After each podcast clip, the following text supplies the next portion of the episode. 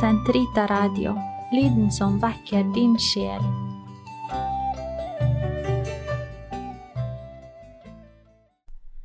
Karmels hage episode 34 Teresa Jesusbarnet og Det hellige ansikt En kjærlighetens profet for vår tid, del to Dette er andre program hvor vi fokuserer på en meget kjær karmelitthelgen Teresa Lichø, som levde fra 1873 til 1897. Jeg leser fra et manuskript som jeg har skrevet om karmelittisk spiritualitet, og som kommer som bok på St. Olav forlag en gang i 2022. Oktober er også måneden for vår store helgen Therese av Avila, og hun feires den 15. oktober. Derfor vil neste torsdag, som er 14. oktober, være viet til Therese av Avila. Og så fortsetter det med programmer om den lille Therese ut måneden. Vi ber først. Kom, Hellige Ånd, fyll dine troendes hjerter og tenn i dem din kjærlighetsild. Du som gjennom de mangfoldige tungemål samlet alle folkeslag til troens enhet. Send ut din ånd, og alt skal bli omskapt, og du fornyer jordens åsyn. La oss be. Gud, du har opplyst de troendes hjerter ved Den hellige ånd. Gi oss at vi ved din ånd kan glede oss over det som er rett, og alltid bli lykkelige ved Hans trøst. Ved Kristus vår Herre. Amen. Litteraturen Så hvordan blir vi kjent med Therese? Hovedkilden er hennes selvbiografi En sjels historie. Denne gripende beretningen om hvordan Gud arbeider med en sjel som stiller seg til hans disposisjon. Den kom i 2014 ut på norsk og er definitivt en bok man ikke låner, men kjøper for å kunne lese den om igjen og om igjen. Den er en bok en karmelitt aldri kan bli ferdig med, fordi den har åndelig føde for alle stadier i våre liv, også i forberedelsen til døden. Hennes egne ord suppleres av hennes biologiske søstre, som også var hennes ordenssøstre i Karmel. Beskrivelsen av hennes siste måneder på sitt sykeleie, siste samtale, ble nedtegnet av hennes søster Pauline med klosternavnet søster Agnes, ja, og også moder Agnes i den perioden hun var priorinne. Denne finnes på mange språk, også på svensk, og er et ruvende monument i øvelse på total overgivelse, i totalt åndelig mørke. Her får vi møte en sjel som er i forening med sin lidende Kristus i hans dødstime, der han i sin fortvilelse roper med høy røst, Min Gud, min Gud, hvorfor har du forlatt meg? Hvor vakker og håpefull er ikke denne beretningen for et menneske som har døden ved sin terskel, hos seg selv eller hos andre? Når det gjelder de praktiske anvisninger for en sjel som er inspirert til å følge hennes vei, er boken hennes søster Celine skrev om henne i forbindelse med helligkåringsprosessen av avgjørende betydning. Therese var assisterende novisemester da Celine trådte inn i karmelittklosteret i Lisieux i 1894, der hun etter hvert fikk navnet søster Genevieve av Det hellige ansikt. Boken My Sister St. Therese trenger ikke kun å være en beretning med konkrete eksempler på hvordan hun konsekvent og fryktesløs veileder sin novise, altså søster Celine, i den lille vei, i ydmykhet og barnekårets ånd. Om vi setter oss i Celines sted, kan vi motta, vi motta hennes til dels smertelige veiledning. Gjennom søster Genevieves åpne beretning om sine egne feil og mangler, som de fleste av oss kan kjenne oss igjen i, kan vi, gjennom Thereses svar, få alt vi trenger for raskt å komme inn på den vei som kan lede til åndelige barnekår. For noen godt forberedte sjeler blir dette et møte med, et, med hjertets lengsel. For andre kan den bli en snublesten eller utfordring vi ikke ønsker å ta imot. Da jeg for første gang, helt nykonvertert, det må ha vært i 1999 eller år 2000, prøvde meg på Teresa Lisieux selvbiografi, så satt jeg med en eldgammel serie av bøker jeg hadde lånt på Bergen offentlige bibliotek. De luktet hylle og gammelt, og bekreftet med sin arkaiske oversettelse, muligens var det en dansk utgave, av Thereses blomsterspråk og diminutiver, og det jeg oppfattet som en barnslig og naivistisk tilnærming, at dette var utilgjengelig for meg. Jeg går opp tidlig i hennes beretning om barndommen, kanskje motivert av ikke så lite misunnelse. Mitt barneliv, uten noen fremtredende tilstedeværelse av kristen tro, var milevidt fra hennes fromme barnetanker og erfaringer. Der hun gikk jevnlig i kirken og ble opplært av sin søster i bønn og katekisme, der hun hadde dype erfaringer foran sakramentet med jomfru Maria, satt jeg igjen med mitt liv, hvis eneste dype åndelige barneerfaring jeg kan huske, var å sitte i en blåklokkeeng og, og improvisere lovsanger til livet, mens jeg plukket blomster til noen jeg var glad i. Jeg kunne simpelthen ikke skjønne hva hun hadde å bidra med i mitt liv. Ved første øyekast så jeg ingen tilknytningspunkt. Det som fanget, som var så nytt i hennes samtid og som gjorde at hennes tekster, etter hennes død, spredte seg som ild i tørt vintergress, var det samme som hindret meg i å ville kjenne henne. Jeg var overhodet ikke tiltrukket av hennes lille, hjelpeløse vei til Gud, med avskrivning av personlig ære og bragder. Jeg trivdes nok bedre med det jeg så på som sterke heroiske helgener, som med store verk nøret de forhåpninger jeg hadde for mitt eget liv. At det som hindret meg av smerte, sykdom, plager og utfordringer, en dag skulle være over, og at jeg endelig skulle få ta patt på de viktige, aktive gjerningene jeg var så skråsikker på at Gud ville jeg skulle utføre. Therese av Avila med sine skrifter og klosterstiftelser, Johannes av Korset med sin rendyrkede og direkte vei opp på Karmelberget, var langt mer attraktive enn Thereses usynlighet, stillhet, sykdom, prøvelser og smerte. Jeg hadde selv drevet både bre- og fjellklatring og følte meg rimelig kompetent når det gjaldt rak, den rake, krevende veien rett opp. Det jeg som nyomvendt ikke kunne sette pris på ved hennes vei, var det samme som jeg ikke kunne sette pris på ved kirken og evangeliet, at han skulle vokse og jeg skulle avta. Det jeg ikke kunne se, fordi jeg var opphengt i det at jeg ikke likte å være liten, var at hun i virkeligheten var en kjempe som forenet en dyp forståelse av evangeliets budskap med forsøk på å leve dette i minste detalj. Hun var en kjempe fordi hun i sin kompromissløse søken etter å tømmes for seg selv kunne romme stadig mer av Gud men Therese kom som sagt tilbake, gang på gang, i forskjellige oversettelser og faser av mitt liv.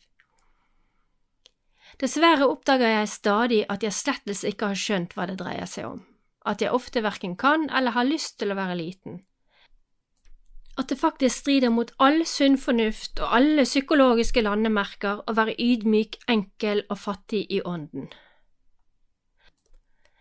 Jeg oppdager til stadighet at jeg enn så lenge er helt ute av stand til, og kanskje også uten vilje til, å benytte meg av hennes lille metode, som bestod i dette, og jeg siterer, å fryde seg alltid, smile kontinuerlig, i tider som nederlag, som vei som ved seire. Og det er en oversettelse av fra My Sister Saint Therese. Til tross for mine ville protester ser jeg at jeg likevel sakte, men sikkert slipper henne til. For meg ble det blomstene som til slutt skulle binde oss sammen, være møtepunktet for en fullkommen helgen og en søkende sjel. Det ble blomsterbukettene i hennes barneliv og språk som for meg ble porter inn i en verden så utilgjengelig for det moderne mennesket med sine forventninger og krav. Hun rørte ved en dyp åre i mitt indre, hun knyttet sammen med sine nålevende søstre i Karmel mine naturerfaringer inn i kirken, like frem til alteret og tabernaklet. Hvor mange ganger har jeg ikke sittet en stille lørdagskveld i klosteret i Tromsø og sett søstre med forklær og slør ligge på kne foran tabernakler og alter og dekorere med hagens blomsterflor. Hvor betatt har jeg ikke vært av skjønnheten i hagen utenfor, rammen om kirken, og hvordan søstrene med stor nøyaktighet, ærefrykt og kjærlighet pynter med Guds gaver like frem til det aller helligste. Den største og mest fullkomne av alle gaver, Jesu legeme i tabernaklet. Gjennom denne emosjonelle tilknytningen ble veien til en dypere forståelse av henne, på hennes egne premisser og i hennes eget miljø, mulig. På en pilegrimstur til Lisjø fikk jeg besøke hennes barndomshjem La Bussinøtt, og ikke minst tilbringe en hel dag i stillhet og ensomhet for å meditere over hennes liv og lære i Sankt Peterkatedralen. Den ligger en liten spasertur fra klosteret, karmelittklosteret i Lisjø, vegg som lå vegg i vegg med der vi bodde. Dette var hennes barndomskirke, hvor hun gikk hver søndag sammen med sin kjære konge, faren Louise Martin. Her finner vi sidealteret der hun hadde sitt første skriftemål, og vi kan se familien Martins plass fremme ved hovedalteret. Og hvilken store nåde det er å få be og meditere over hennes liv og tro i dette Guds hus, som er så vakkert lagt til rette for å lære henne å kjenne, og lære hennes elskede brudgom å kjenne, i stillhet og bønn. I Lisjø, under tidebønner og messe i karmelittklosteret der, fant jeg nøkkelen til å forstå henne. Kunnskap om hennes liv og omvendelse, forstått i kirkens favn og en bønnens og stillhetens atmosfære. En tur til i sjø er strevet verdt, og kan du ikke reise, ja, da kan du besøke legkamelitt Frode Torps blogg, der han deler med leseren om sin tur til i sjø i mai 2018. Etter pilegrimsturen til Lisjø ble det stadig mer klart at det ikke er mulig å ta imot Therese uten kirken, uten sakramentenes nåde. Det er ikke mulig å skjønne Therese uten selv å be Herren om å la seg fortæres av denne brennende kjærlighet. Hennes ønske om å lide er fullstendig absurd for et menneske som har hatt nær kontakt med lidelse og sykdom, enten hos seg selv eller hos andre som blår i øynene på den som strever med å leve med verdighet gjennom egne eller andres begrensninger. Det er forferdelig provoserende når man innledningsvis kan oppfatte Therese dit hen at hun dyrker og forherliger lidelsen i seg selv. Men med Kristi kjærlighet fra korset som blikkfang, med Kirken, Kristi legeme som sannhet, for selv det minste offer selv det minste nålestikk av lidelse uante dimensjoner. Therese visste fra dypet av sin sjel, fra sin erfaringsavgrunn, at selv den minste av hennes lidelser, ofret i kjærlighet, kunne frelse en sjel. For å skjønne hennes budskap må vi også skjønne hennes liv, og så kanskje våge å skjønne våre egne liv et liv i kjærlighetens tegn. Thereses liv er like så kort og enkelt som hennes lille vei er det. 24 år levde hun for Herrens åsyn og under sin himmelske mor, mors jomfru Marias beskyttelse. De første 15 i sitt barndomshjem, eksponert for verden gjennom skolegang og pilegrimsreise til Roma. De resterende ni skjult i karmelittklosteret i Lisjø. Therese var den minste av ni søsken, hvorav fem overlevde. Fem søstre som alle gikk i kloster, fire av dem i karmelittklosteret i Lisjø. Thereses barndom var i et hjem fylt av kjærlighet og gudsfrykt. Begge hennes foreldre, Celie og Louise, var fra unge år preget av dyp og inderlig katolsk fromhet, og begge hadde vurdert klosterkallet. Da de møttes i godt voksen alder, hadde begge vært yrkesaktive i flere år. Begge drev sine suksessfulle foretak, Louise som urmaker og Celie med produksjon av såkalte Alencon-kniplinger. Therese vokste opp i relativt trygge kår økonomisk, men også med, stor, med stor sorg og tap. Hun mistet sin mor som fireåring og sin reservemor, den tolv år eldre søsteren Pauline, fem år etter moren døde da denne gikk i kloster. Hennes fire søsken i himmelen var alle del av familiens felles liv og sorg. Det var del av familiens kjærlige univers, som ikke begrenset seg til livet her på jorden. Familien Martin var en rugekasse for fromme sjeler. Søk da først Guds rike og Hans rettferdighet, så skal dere få alt dette i tillegg. Matteus 6, 33 Den minste av dem alle, Therese, ble mer interessert i Guds rike enn det hun eventuelt skulle få i tillegg. Eller kanskje mer presist sagt, det hun ønsket som tillegg ved å søke Guds rike, var Guds rikes utbredelse på jorden, de arme sjelenes omvendelse.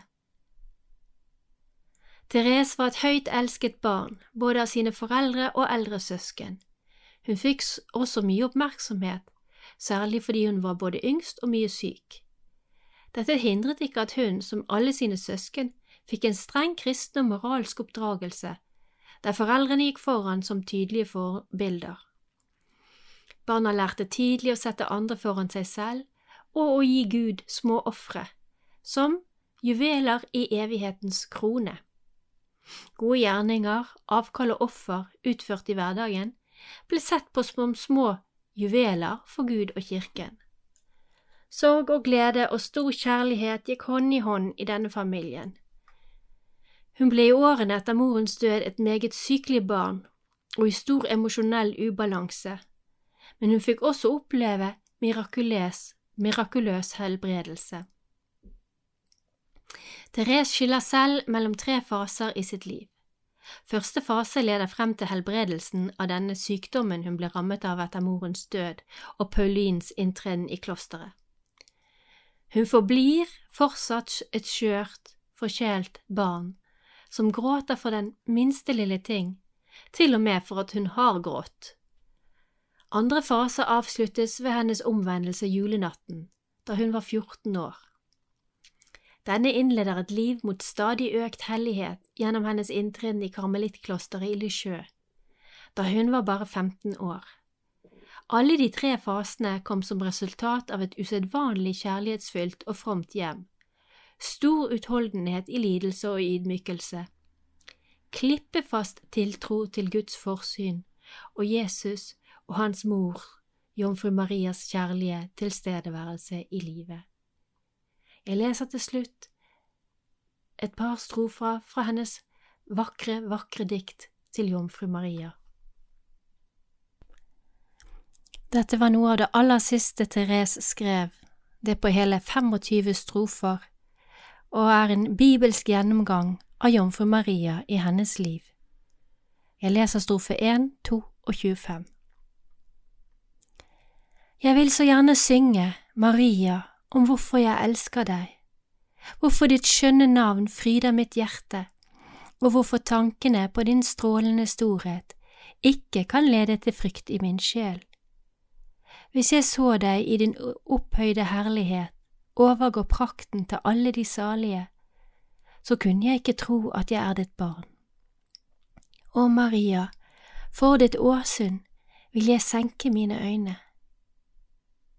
Hvis et barn skal elske sin mor, så må hun gråte med ham og dele hans sorger. Å, min kjæreste mor, på denne fremmede strand, hvor mange tårer felte du ikke for å trekke meg til deg. Når jeg betrakter ditt liv i det hellige evangeliet, tør jeg å se på deg og komme deg nær. Det er ikke vanskelig for meg å tro at jeg er ditt barn, for jeg ser deg, menneskelig og lidende som meg. Snart skal jeg høre den skjønne harmoni, snart skal jeg dra til den vakre himmel og treffe deg. Du som kom og smilte til meg i mitt livs morgen, kom og smil til meg igjen. Mor, det er kveld nå. Jeg frykter ikke lenger din prakts ære. Jeg har lidd med deg, og nå vil jeg på ditt fang, Maria, synge om hvorfor jeg elsker deg, og fortsette med å si at jeg er ditt barn. Amen.